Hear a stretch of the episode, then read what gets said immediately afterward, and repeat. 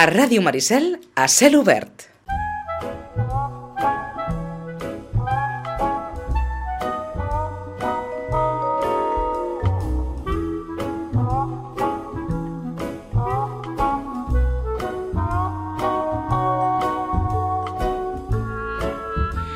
Deu y 16 minutos. Eduardo Tobaja, buenos días. Buenos días, buenos días. Antes mm, dábamos esta, esta imagen del perro al lado de la mesa del comedor. Del propietario con su, con su ojito de pena, que queremos darle de comer y no Eh, eh, podemos.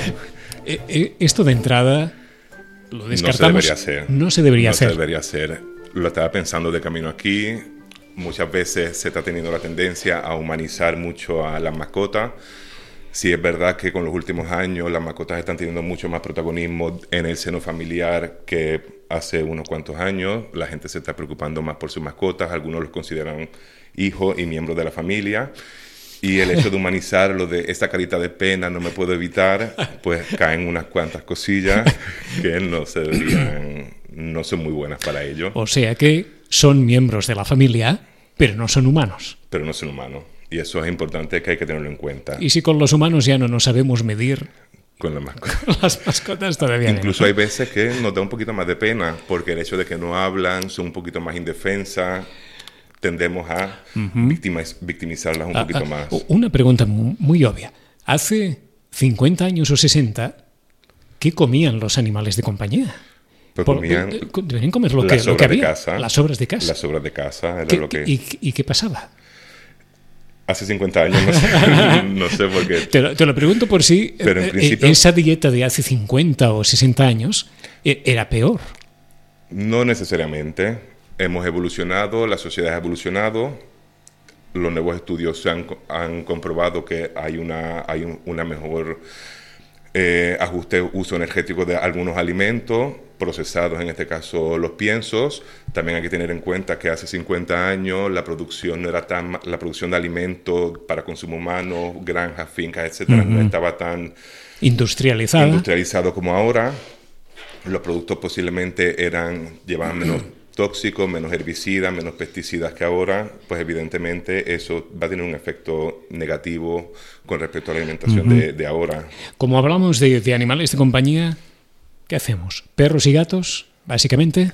Son muy parecidos, normalmente los gatos suelen ser más selectivos a la hora de comer, no, se suelen, no suelen ser aspiradores como algunos perros, entonces los problemas de intoxicación, salvo algunos casos en concreto, suelen Sí. ser bastante más frecuentes en, En- perros, sobre todo intoxicaciones relacionadas con la, con la alimentación. Sí. Empezábamos hablando y le preguntaba yo a, a Eduardo, oye, empecemos por aquello que nunca se debe dar a un perro. A un perro. Pues hay varias cosas. por pero ejemplo, bueno, nunca. Nunca el chocolate.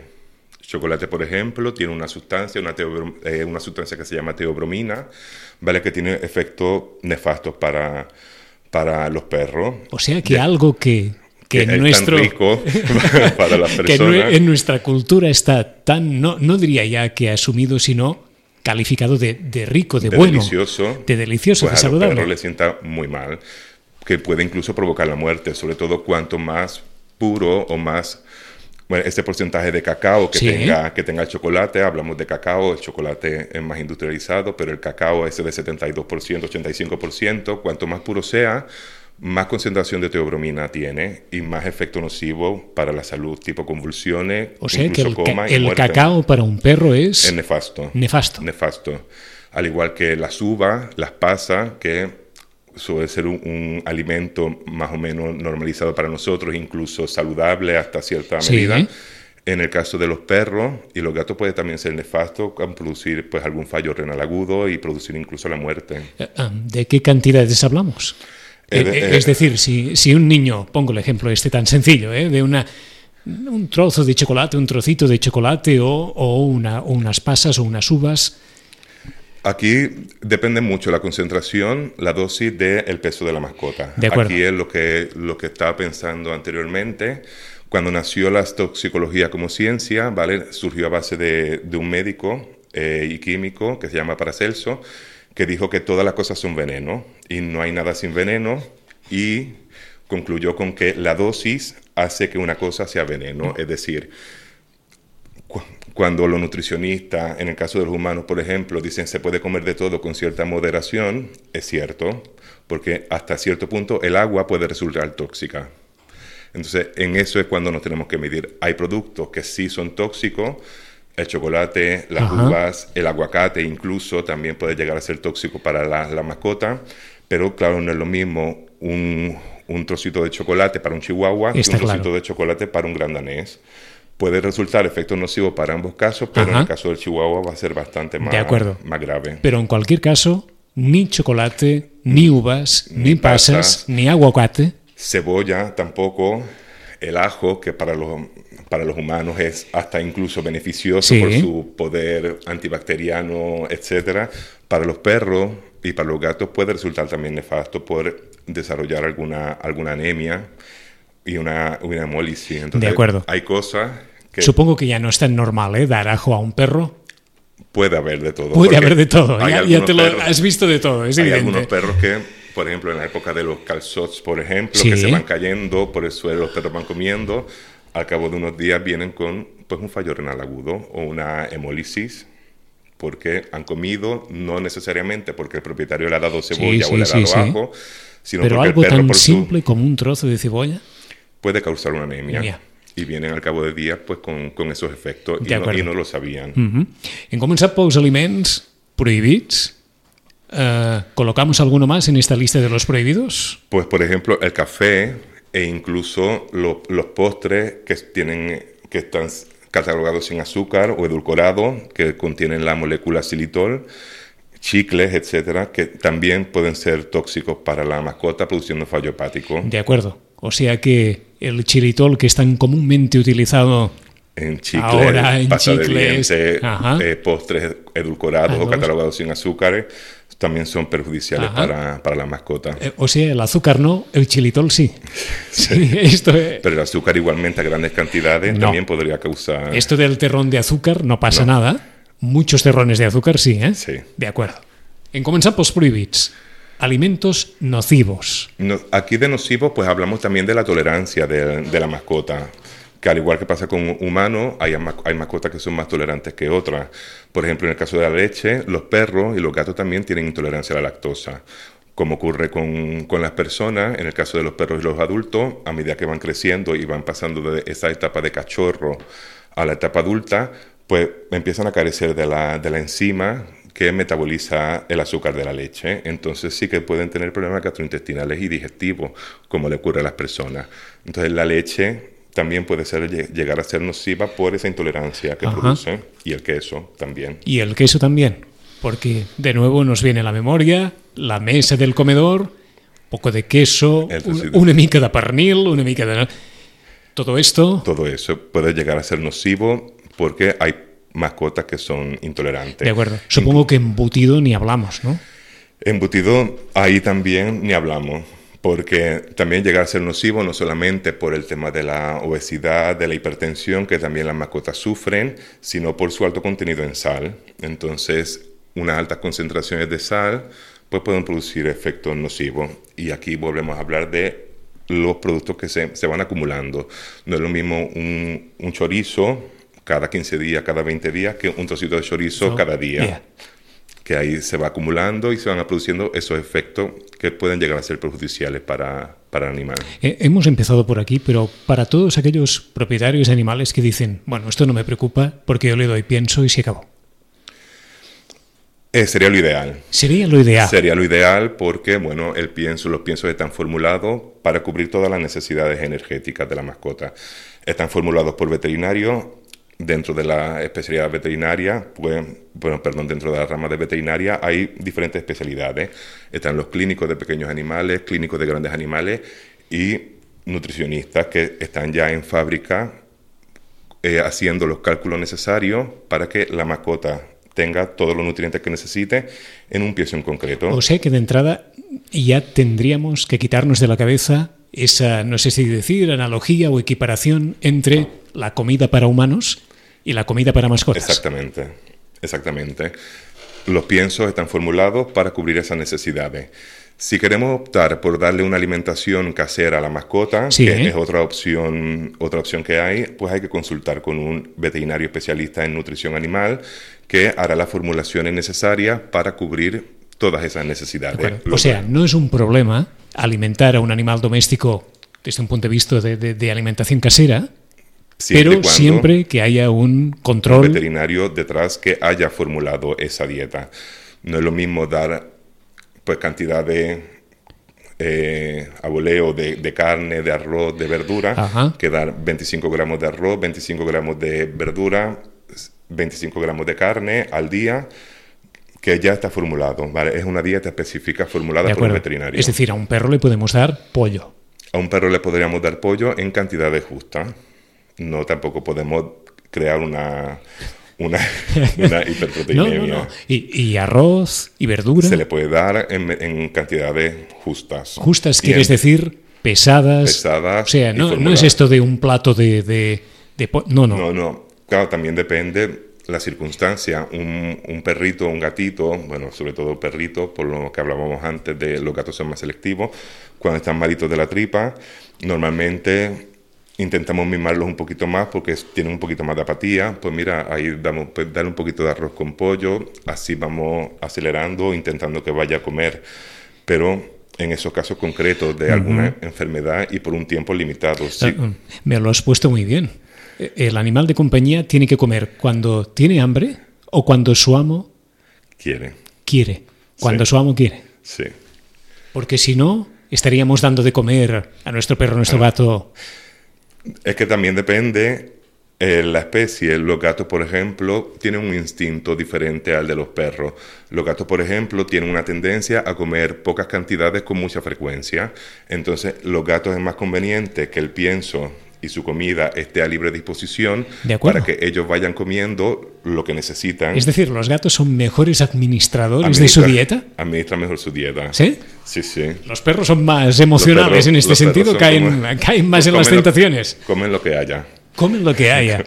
De acuerdo. Hay algunos que son más especiales que otros, obviamente, según la enseñanza y la educación que se le ha dado.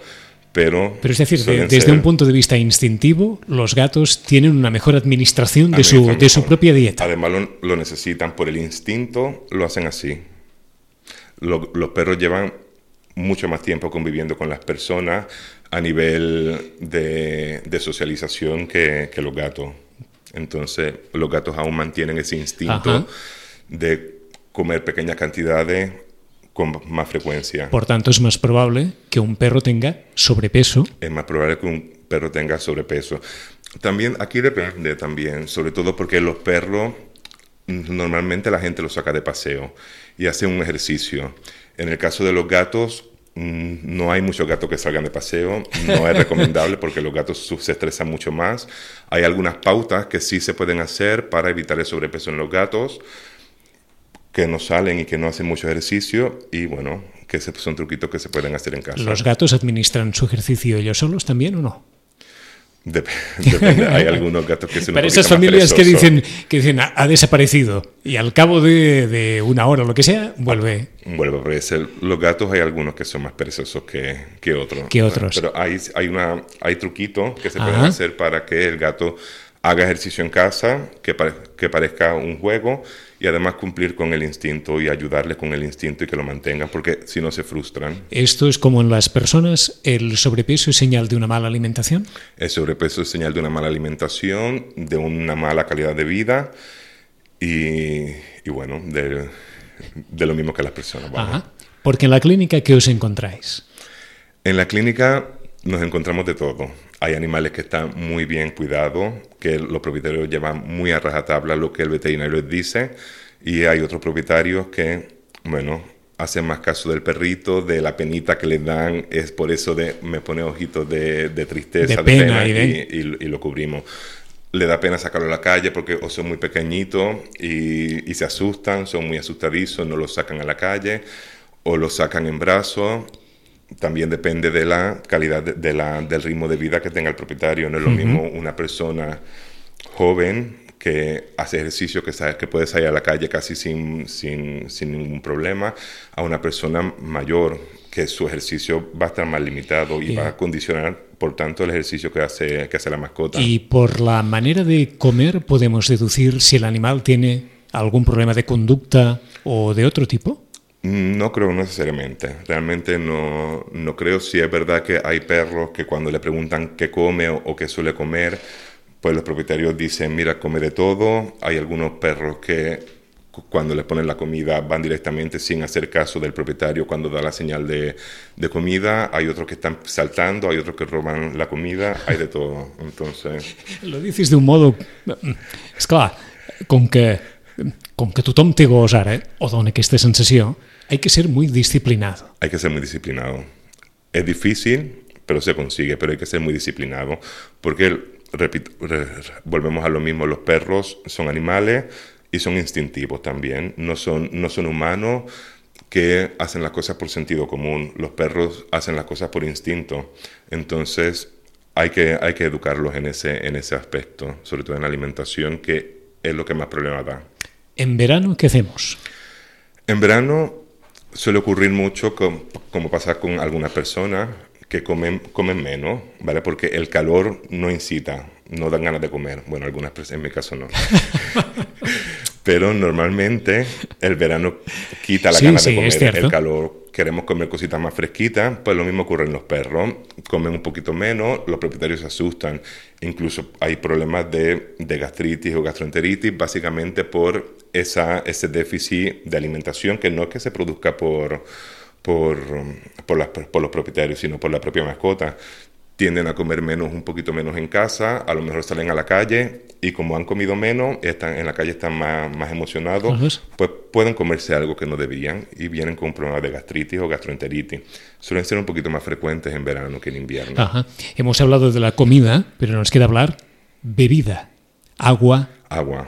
A agua. Solamente agua. Solamente agua. Sol, y salvo, nada más que agua. Salvo que lo aclare un compañero veterinario sí. porque el perro padece de alguna patología en concreto, que bueno, se podría añadir alguna sustancia a, a, al agua de bebida, pero básicamente agua.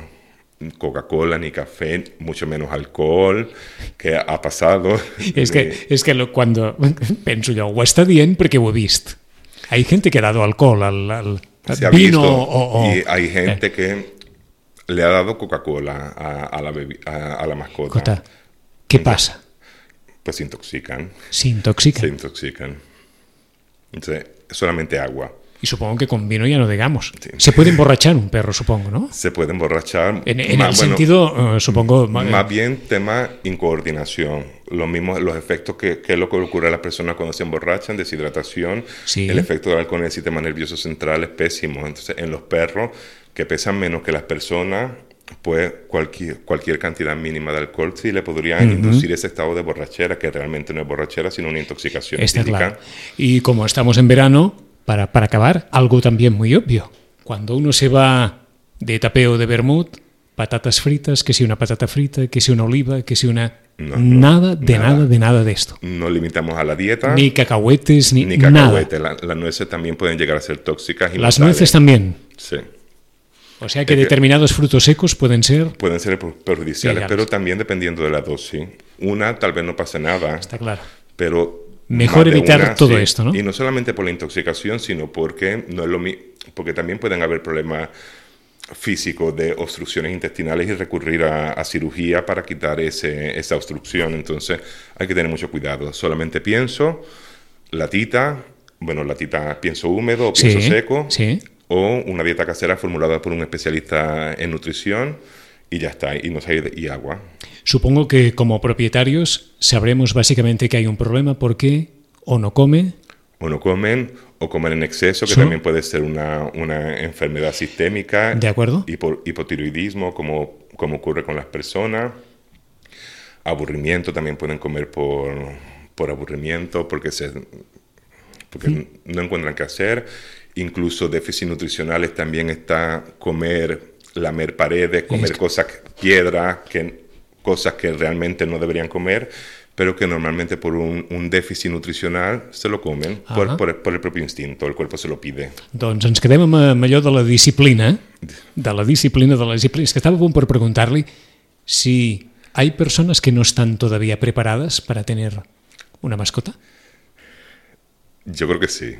Yo ¿Tú creo crees que, yo sí? creo que sí. Que hay personas que no están suficientemente preparadas. Lo, lo- lo comenté la primera vez que Sí, vine sí. En, el, en el programa, que hay personas que piensan que tienen un perrito un gatito, es muy bonito, bueno, o conejo, o cobaya, lo que sea, es muy bonito, la compañía que hace obviamente es espectacular, pero luego no son conscientes de lo que, lo que realmente acarrea tener una mascota, el tiempo, la disciplina, económicamente hablando también, todos son factores que hay que tener Ajá. en cuenta. Muchas personas realmente no están preparadas para tener mascota porque no tienen o carecen de alguna de esas... de- d'aquests valors De- de- que, de que, esa que serveixen per, sí. per, per l'animal. No, que quedi clar, per tant, ni xocolata, això ens ha quedat claríssim, eh? Ni chocolate, cebolla, Ja. ajo, uva, pasas, Pas. algunas nueces. Albocats tampoc, o sigui que res de tot això, ben lluny del gos, res de tot això. I després, tota la resta amb molta mesura i si no, el pinso, que és la millor solució. Lo, lo mejor. Eduardo, gracias de nuevo. Nada, gracias a ustedes. Hasta la próxima.